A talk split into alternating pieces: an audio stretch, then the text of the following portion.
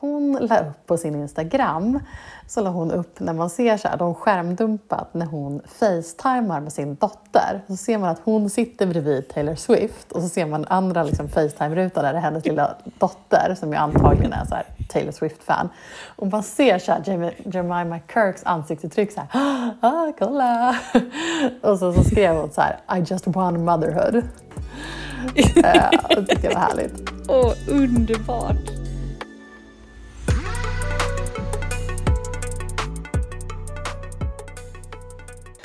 Jag tänkte att vi skulle snacka lite 90-talsvibbar idag. Ehm, det har varit mycket sånt på eh, Paris modevecka faktiskt. Eh, och jag har en liten spaning här då eh, med fyra exempel. Mm, kul! Mm. Fyra exempel på som jag tycker hävdar 90-talsvibbar. Får se om du håller med. Mm. Eh, okay, första är det mest uppenbara, som är liksom uttalat 90-talsvibb. Och det är alltså Chanels visning för våren 2022. Och eh, då har ju alltså eh, de velat liksom kanalisera Karl Lagerfelds glansdagar och känslan på modevisningarna som de var då, när det var fotografer runt hela catwalken, Eh, modellerna gick liksom med höfter och de eh, log och de posade och de eh, ja, men verkligen så här, jobbade på catwalken. och det var exakt så det var nu. Det var, liksom, det var fotografer runt hela catwalken, eh, modellerna som också gick i kläder som också hade liksom 90-talskänsla. Det var mycket liksom så här, eh, underkläder som kläder, baddräkter, eh, liksom, eh, halsband på halsband på halsband, mycket så mesh, nätkjolar över, eh, liksom bikiniunderdelar, sådana saker. Men speciellt så mm. var det ju stilen på hela visningen. Eh, modellerna verkligen så struttade fram, de log, de liksom flippade sitt hår, de kollade på varann, dansade lite. Men lite sådär, nu ska inte jag avbryta, men du vet som när Naomi Campbell, Helena Christensen, eh, vad heter de, Cindy Crawford, när de var, liksom, när de var, den supermodellen var liksom det A-list-kändisar, superstars, eh, fick vara med i Michael, eh, vet han, Emma, vår egen Emma Hamberg. George Michael-videon.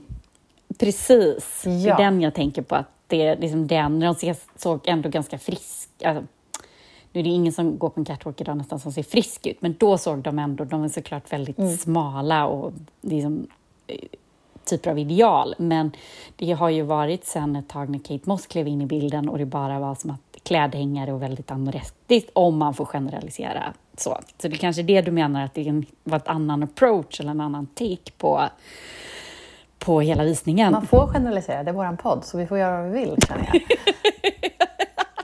Sant. Men verkligen. Det som jag tyckte var intressant också var att de, har, de här gamla supermodellerna har ju faktiskt gått en del visningar. Naomi Campbell har ju gått många visningar i år. Men här hade de ju mm. inte plockat in liksom det gamla gardet. De hade kunnat plocka in Claudia Schiffer och Naomi och Tyra mm. och hela, liksom, hela gamla gänget. Mm. Men det hade de inte gjort. De hade, det var ju liksom, utan det var unga, nya modeller. Liksom. Och jag tänker att de måste haft lite problem med castingen, eller liksom haft en utmaning i castingen, att verkligen hitta modeller som faktiskt kunde gå och kunde posa och vågar le och vågar agera lite på catwalken. För att annars så varenda visning nu är ju modellerna bara stampar ju fram och ser helt uttråkade ut. Det är så det ska vara på varje visning. Så att, mm. att hitta liksom ett duktigt gäng med tjejer som vågar liksom göra det här måste ju varit en utmaning. Och hit, ja, och säkert också hitta en trygg koreograf och en duktig person som kan ta det liksom, och leda de tjejerna i det alltså, kvinnorna i det uppdraget. Ja. Det är, det är ett så förtroende och att kunna så förmedla känslan. Och, alltså, vi som har varit med och gjort det Guldknappenvisning med den stylisten och de som var inblandade. Så det är ett jättesvårt jobb. Det är ju verkligen, alltså, det som du säger, det är jätteimponerande att de bara, både hittar tjejer som kan gå i, dessa skor och dessa mm. kläder och känner sig bekväma och kan så här, se rätt avslappnade ut. För det har du verkligen rätt Jag tänkte också på det, att de såg väldigt så här ja, men ganska relaxed. Då var det... Ja, men den var också så här, den var kul. Jag har inte, jag ska ärligt säga, jag har inte sett liksom många hela visningar, men den här var ändå, den var kul att kolla på. Det var liksom, det var lite upplyftande, det var roligt eh, och det var verkligen så här retro 90-talsvibbar, vilket ju är härligt. Jag älskar 90-talet. Så att, ja, men, det, det var liksom... Det enda mm. som jag var lite besviken på, det var ju... Annars brukar ju Chanels visningar ta liksom, modevisningarna till liksom en annan planet. Ja. Literally till en annan planet. Alltså de brukar ju lägga ner så otroliga resurser på, men de har haft så ånglok som har åkt in, eller mm. rymdraketer mm. så på Chanels tid. Och det, fann, det finns väl, var väl säkert en strategi att hålla, hålla ner det och det har varit corona och det finns massa sådär. Men det, var, det kunde jag väl ändå känna att, åh vad tråkigt att, eh, då hoppas vi att liksom visningen till hösten här eller så kan bli något sånt bombastiskt för att det är ändå väldigt kul för de sätter alltid en så här ny, liksom, de tar alltid gränsen, de flyttar fram gränsen mm. vad mm. man kan göra på en modevisning. Ja, men de har ju verkligen haft helt fantastiska scenografier tidigare. Jag vet faktiskt en mm. anledning till att det kanske inte var riktigt så eh, Mm. Eh, utstuderat med scenografin. Att det, det stället som de alltid brukar vara på, Grand... Ja, jag kommer inte ihåg vad det heter um, nu. Palais, Grand Palais. Ja. Eh, det ja. håller på att renoveras. Så de kunde inte vara där. Ja. Så att då skulle hon göra något lite annorlunda och så gjorde hon väl det här liksom, temat istället då. Vivienne mm. som är designer där nu.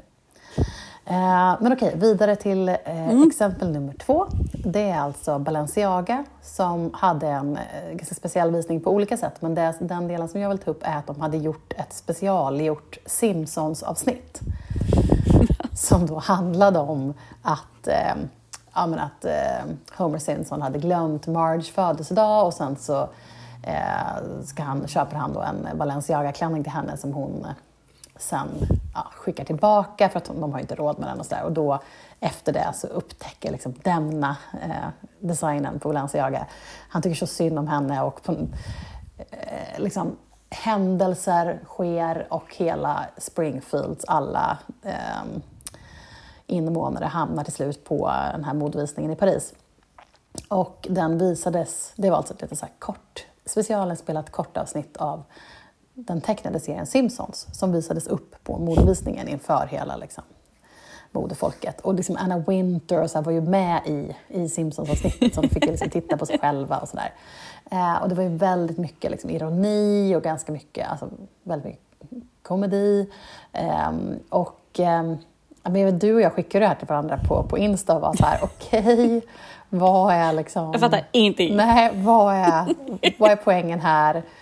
Balenciaga får ju hur mycket PR som helst ändå. Det är liksom inte en PR-grej, utan vad är... Um, men um, jag läste väl lite grann om att det är så här, ja, men att, att de skulle gå i någon sorts riktning som skulle kännas lite... Alltså så här, Demnas karaktär i den här känns ändå ganska så här sympatisk. Så poängen kanske var att vara lite mindre svåra med hjälp av det här. Jag vet inte. Jag, kan, jag, vågar, jag vet inte, för att gå från, så här, gå från att klä så här, Kim Kardashian i, som, ett, vad säger man, som en vålnad ja. på röda mattan ja. till liksom att man, hela visningen går i Simpsons. Alltså det är klart att någon har en... Man må, någon måste ju ha en idé en strategi. Det finns ju någon typ av riktning här som vi kanske kommer märka ja. mer av framöver. Precis. Men jag vågar jag inte det måste... analysera den Men det är också väldigt härligt om de bara så här, ah, vi har en massa sköna idéer, vi kör. Ja. Vi har en massa pengar och sköna idéer, vi kör. Det är som man egentligen skulle vilja, vilja ha det, men eh, jag undrar om de skulle få det. Nu vet jag inte, det är väl samma ägare till alla de här modevarumärkena. Eh, så man undrar ju lite, de verkar ha ganska fria händer får man ändå säga. Det får man verkligen säga. Eh, ah, och oavsett så, så 90-talsvibb på Simpsons. Ah, gud ja, 100% 90-talsvibb. Vidare till eh, exempel tre i 90-talsvibb-spaningen från modeveckorna. Eh, och det är helt enkelt eh, ett plagg som vi såg på Miu Miu. Och eh, Miu Miu som ju är Miuccia, säger man Miuccia? Prada?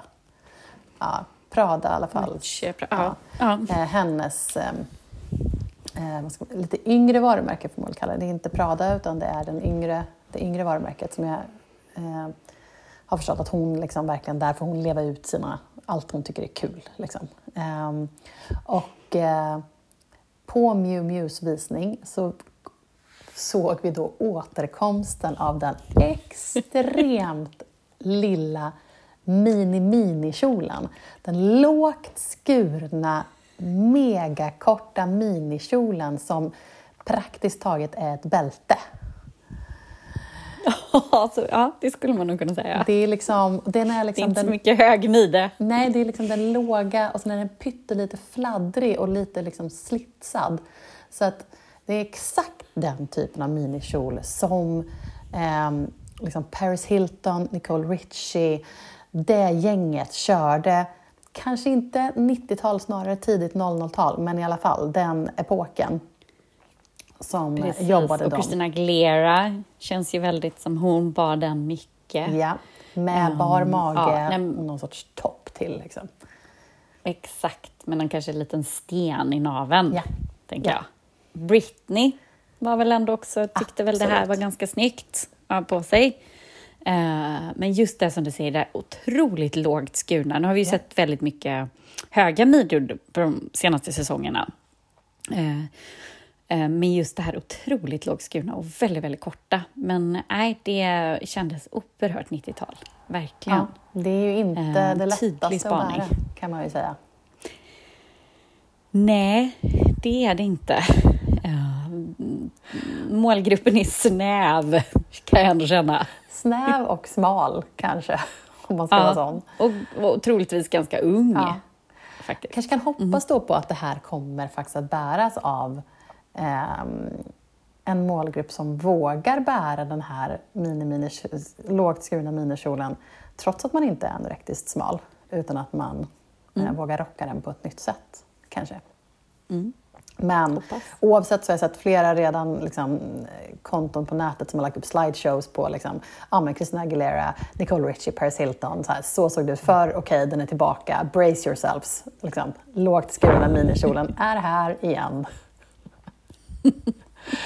Ja, frågan är då, kommer, kommer den lågt skurna byxan komma? Och eh, bootcut har vi sett en del, men kommer den komma liksom, den här lågt skurna i, liksom, i midjan? Jag är rädd för det. För den är man bara gick så här och drog, kommer Ja. alltså. Jag hade par lee-jeans som bara gick och var sjukt drog. låga. Det var liksom bara...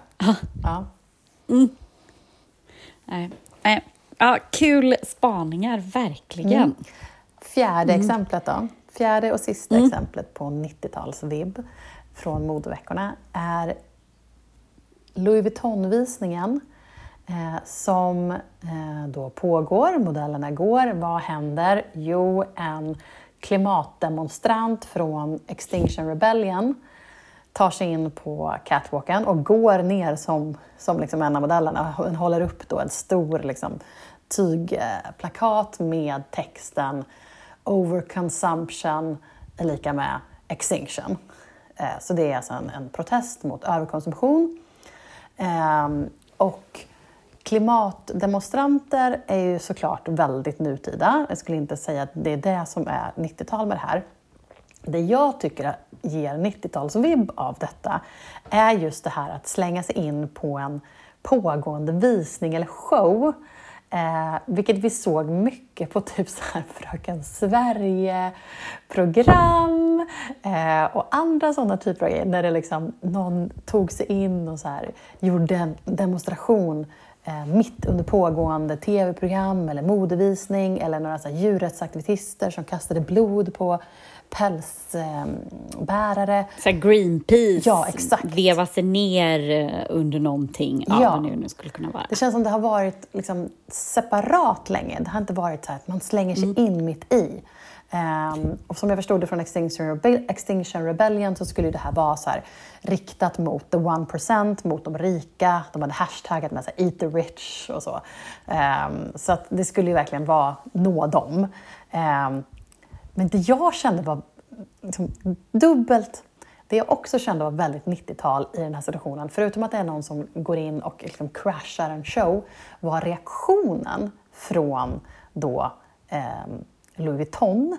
För att alla just nu vill ju hävda att de är hållbara. Alla har sina hållbarhetsrapporter, alla liksom använder nya typer av material. Man, man, du kommer inte undan, det är liksom hygien nu för tiden. Du måste ha en hållbarhets Eh, så även liksom lyxvarumärken.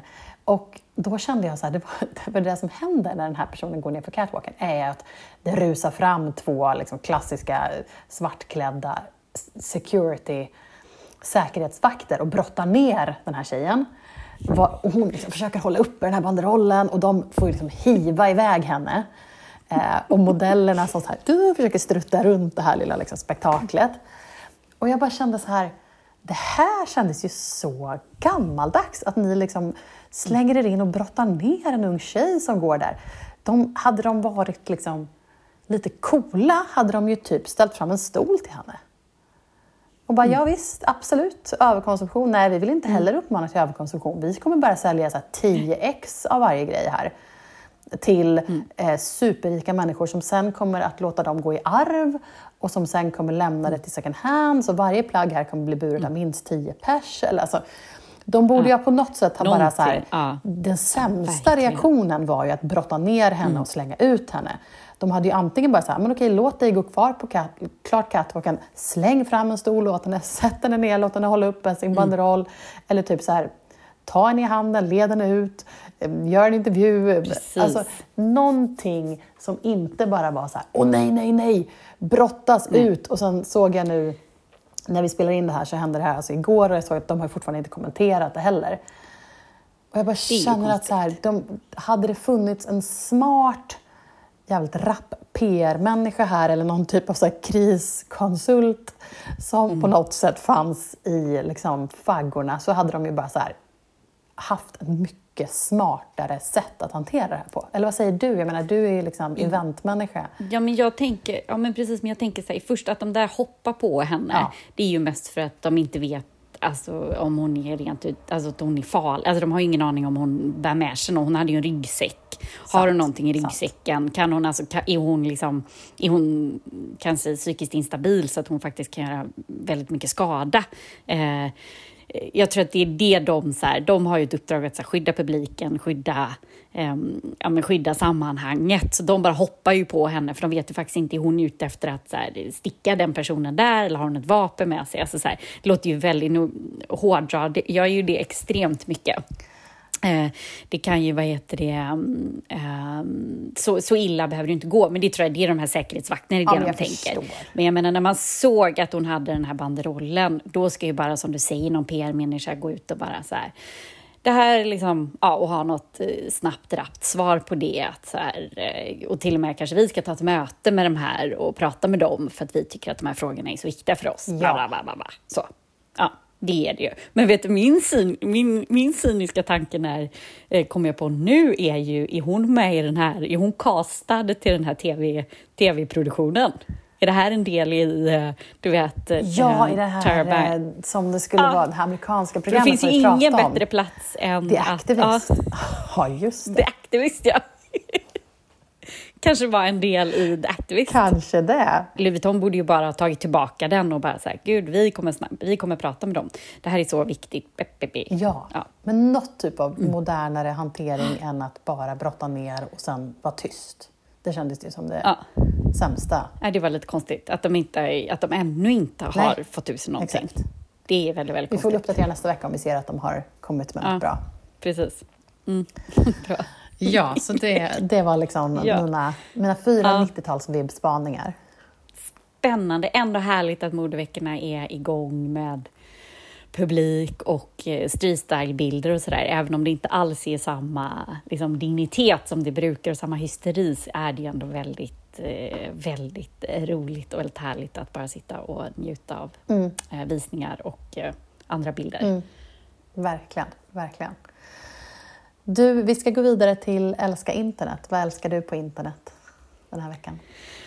Oh, vi är tillbaka på Paris modevecka faktiskt. Mm. Sista avslutande visningen som var en hyllningsvisning till den um, tyvärr bortgångna designen Albert, hur uttalar man efternamnet? Albert Elbas? Elbas, kanske? Albert Elbas? Elbas? Albert Elbas han var eh, kreativ chef och designer på Lanvin eh, under många år.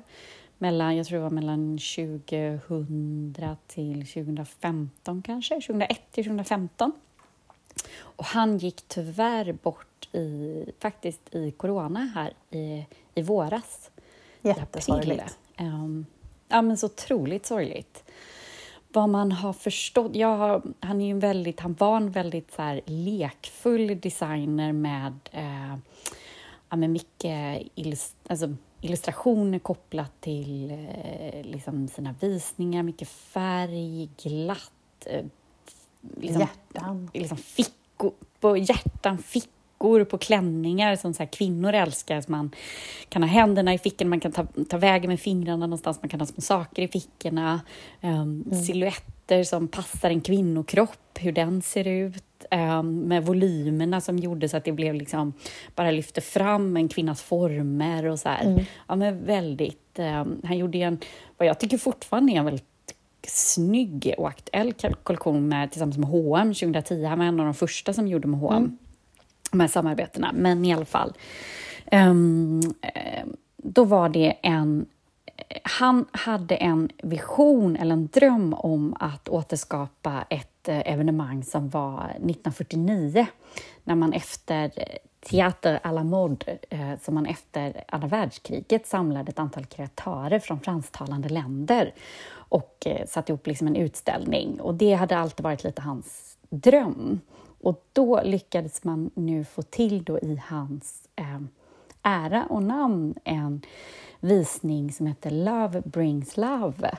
Um, och då fick de ihop alltså 44 olika designers och varumärken som hade en gemensam hyllningsvisning som fick avsluta eh, Paris modevecka och som igår då sändes eh, på Instagram, Youtube eh, och på deras ja, övriga kanaler. Och det var en väldigt, ja men så här, som du säger, glad, inspirerande, härlig visning där ja men Valentino, Gucci, uh, Dior, um, Alexander McQueen, alltså alla de som designar för dessa varumärken då fick tolka sin eh, Albert Elbas eh, uttryck.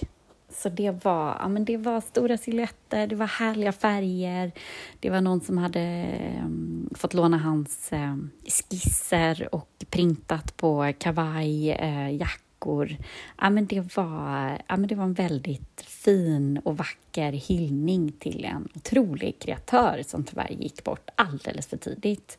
Och det avslutades med... Han hade ju ett signum, det var att han hade alltid bara fluga nästan liksom svart lång kavaj och svarta byxor och såna här liksom herrskor i, ofta i lack och så hade han en fluga och då i sista avslutningen så... Mm, det är ju vår podd så vi får ju avslöja detta även om någon kommer titta på visningen. Nej. um, då, då kliver skådespelerskan Amber um, Valette, heter hon va, uh, ut. Mm. Lite så här klädd i ungefär vad han skulle kunna haft på sig som kavaj. Och så liksom bock nickar hon lite så som jag tror att han ofta gjorde när han klev ut från sina visningar. Och så mm. eh, avslutas det med att eh, alla eh, modellerna står eh, på en så här byggställning med något så bakåt belysta och så bara något härligt konfettiregn i rosa rätt. Ja, men det var väldigt... Eh, och när man har läst lite så recensioner och efter så var det så alla att det var en väldigt fin hyllning. Så. Så ett fint avslut. Och visst var det så, det var liksom en, var, alla de här mode, alltså fantastiskt att de hade fått ihop alla de här modehusen, som, alla de här designersna. Som, eh, och visst var det så att de gjorde en look var? Så det liksom... En look var, precis. Mm. Uh, och man förstår ju att alla verkar, han verkar vara så himla likeable person. Ja, alla verkar uh, verkligen När man har läst minnestexter och att alla bara ställer upp och sluter ut bakom, det är ju inte... Det är ju en väldigt hård konkurrens i den här branschen. Jag kan inte mm. tänka mig att man är så, hjälper varandra så mycket och, och, liknande. Och jag menar, det är kreatörer med en hög press och, eh, och så vidare. Um, man kan, jag kan rekommendera eh, dokumentären Me and Dior med när Raf Simmons tar över eh, modehuset Dior. En fantastisk dokumentär om att just följa en kreatör i en process som är oerhört svår att förvalta något eh, ett stycke liksom, historia. Mm. Um, där man verkligen krypa man under skinnet om ja, hur, vilken, under vilken press de här människorna lever. Den är, den är väldigt, väldigt bra. Han är ju mm. också en favoritperson i modebranschen. Mm. Mm. mm. Ja, men så det var min spaning. Det är härligt att du tog upp det. Jag, jag kollade på den här för att du tipsade mig om den och jag tyckte det var, det var så roligt att se liksom, det här som du säger, att han verkar vara väldigt älskad eh, och alla de här designersna som ställde upp. Och så var det så roligt att se deras tolkningar där man såg hans, hans estetik med liksom det här det lekfulla, det rosa, rosetterna, hjärtarna, sådana saker. Men tolkat via de här olika designers, deras estetik, vilket fick fram väldigt spännande looks tycker jag. Um, där man såg, ja, som till exempel så Rick Owens som ju alltid är liksom svart. Uh, hade liksom en rosa sidan-kreation som kändes verkligen som ett liksom, kärleksbarnet mellan Albert Elbaz och Rick Owens. Uh, och det tyckte mm. jag var flera sådana, det fanns många sådana exempel. Om man kollar igenom så kan man känna liksom, båda deras Eh, estetik som har blandats och det var väl det som var tanken såklart. Men det var väldigt, eh, det var väldigt kul tycker jag att man kunde liksom ana båda båda stilarna. Ja, och jag tänker roligt, alltså inte roligt, men att ja, men det är så fint när folk bara kan sluta upp runt en mm. person som många tyckte om, att man kan bli liksom inspireras på nytt i det. Det är mm. bara det är ju väldigt inspirerande. Ehm, Verkligen. Um, nej. Mm. mm. Vad älskar du på internet då, Karin? Ja, jag tyckte det var väldigt kul här förra veckan så gifte sig Lina Dunham. Eh, som eh, de väl flesta väl känner till. Hon var ju, skapade ju och spelade huvudrollen i Girls. Eh, som hon skapade tillsammans med Jada Pathow och eh, Jenny Connor. Eh, och eh, det var ju en så här fantastisk serie som gick på HBO för ett gäng år sedan. Den hade premiär 2012 tror jag det var, när hon var bara 25. Eh, hon blev ju verkligen så här geniförklarad för den. Eh, sen, eh, och det får man väl säga att Girls En ikon blev hon ju, nästan. Hon blev en ikon, verkligen. Eh, mm. Och det kändes ju som att det var något typ av uppföljare till Sex and the City. Det var också så här, ung tjej skriver, Eh, men det var en mycket mer liksom, nitty-gritty, smutsig Brooklyn-version där det liksom var inte alls lika glammigt eh, och snyggt utan det var mycket mer, vad ska man säga, verkligt på ett sätt. Eh, mycket fulare sex, mycket naknare, mycket mer operfekta kroppar. Eh, liksom, mycket mer eh, eh, Operfekta ja. looks.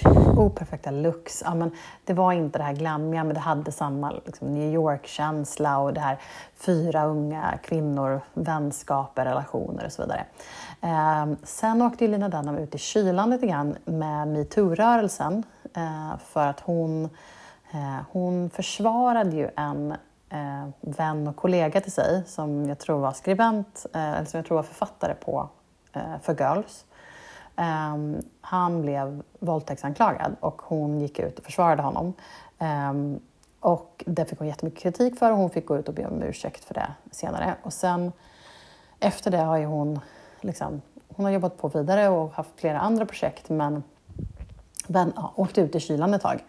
Um, men hon i alla fall, uh, efter den här lilla bakgrundsrecapen, hon gifte sig förra veckan med sin musikerfästman Louis Ferber, tror jag han heter. Um, han, är då, han uppträder under namnet Atahualpa.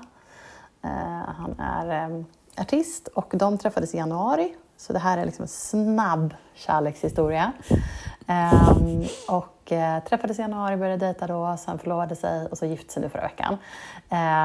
Och, satt de då i, jag måste bara, förlåt jag avbryter, men satt de då, då måste de ju suttit i någon slags karantän ihop, tänker jag. Eller ja, liksom hur... Ja.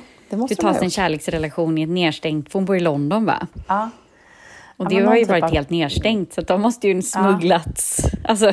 ja verkligen. Nej, någon typ av liksom karantän-London-tillvaro har de levt i. Um, men gillar väl varandra så pass mycket i det, så att de bestämde sig för att gifta sig.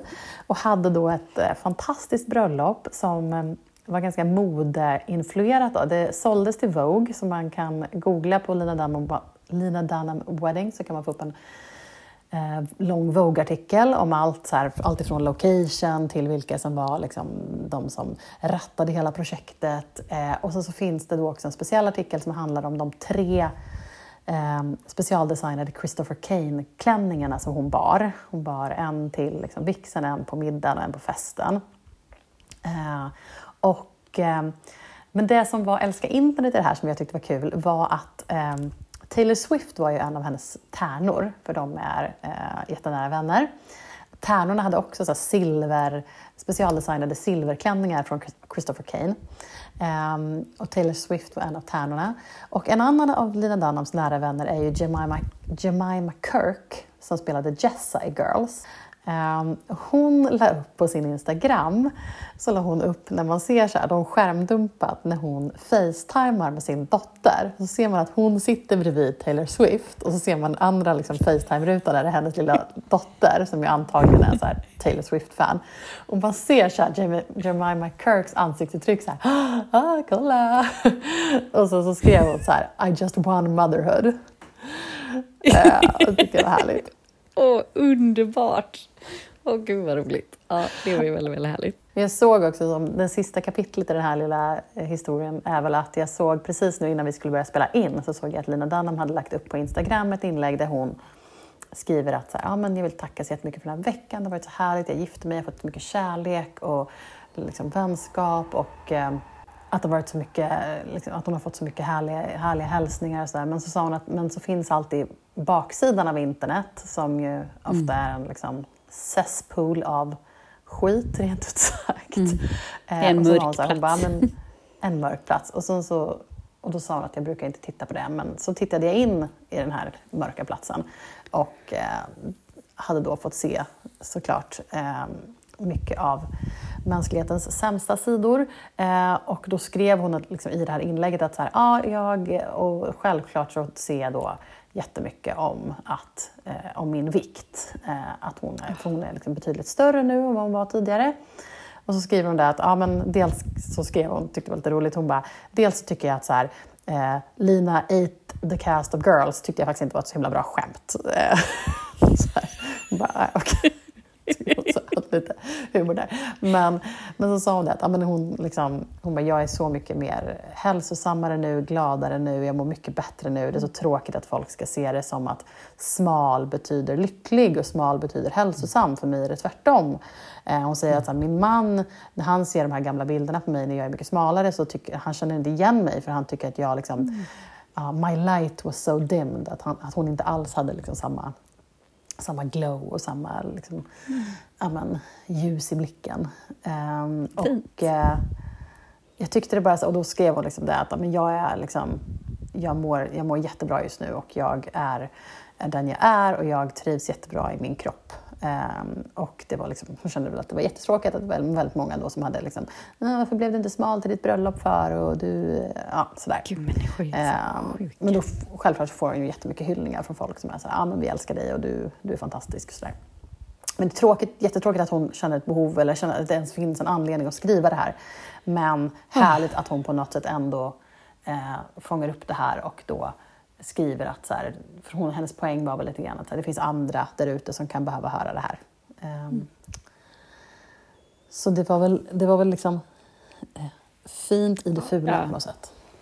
Fint i det fula, men som du säger, så hemskt att hon ens ska behöva behöva prata om det eller ägna tid åt det och förklara det, att hon ska behöva förklara sig. Och det är så fruktansvärt att eh, vi inte har kommit längre i den typen av ideal. Nej. Nej. Eh, och just när det är så här, jag tänker att folk blir så här, just när det är bröllop. Ah. Nej, men hon var ju skitfin. Liksom... Hon hade så himla fina looks och sen säger hon så bara så himla lycklig och glad ut. Och, eh, men, eh, nej, det var ett väldigt roligt bröllop. Jag läste där att de hade blivit inspirerade av John Lennon och Yoko Ono.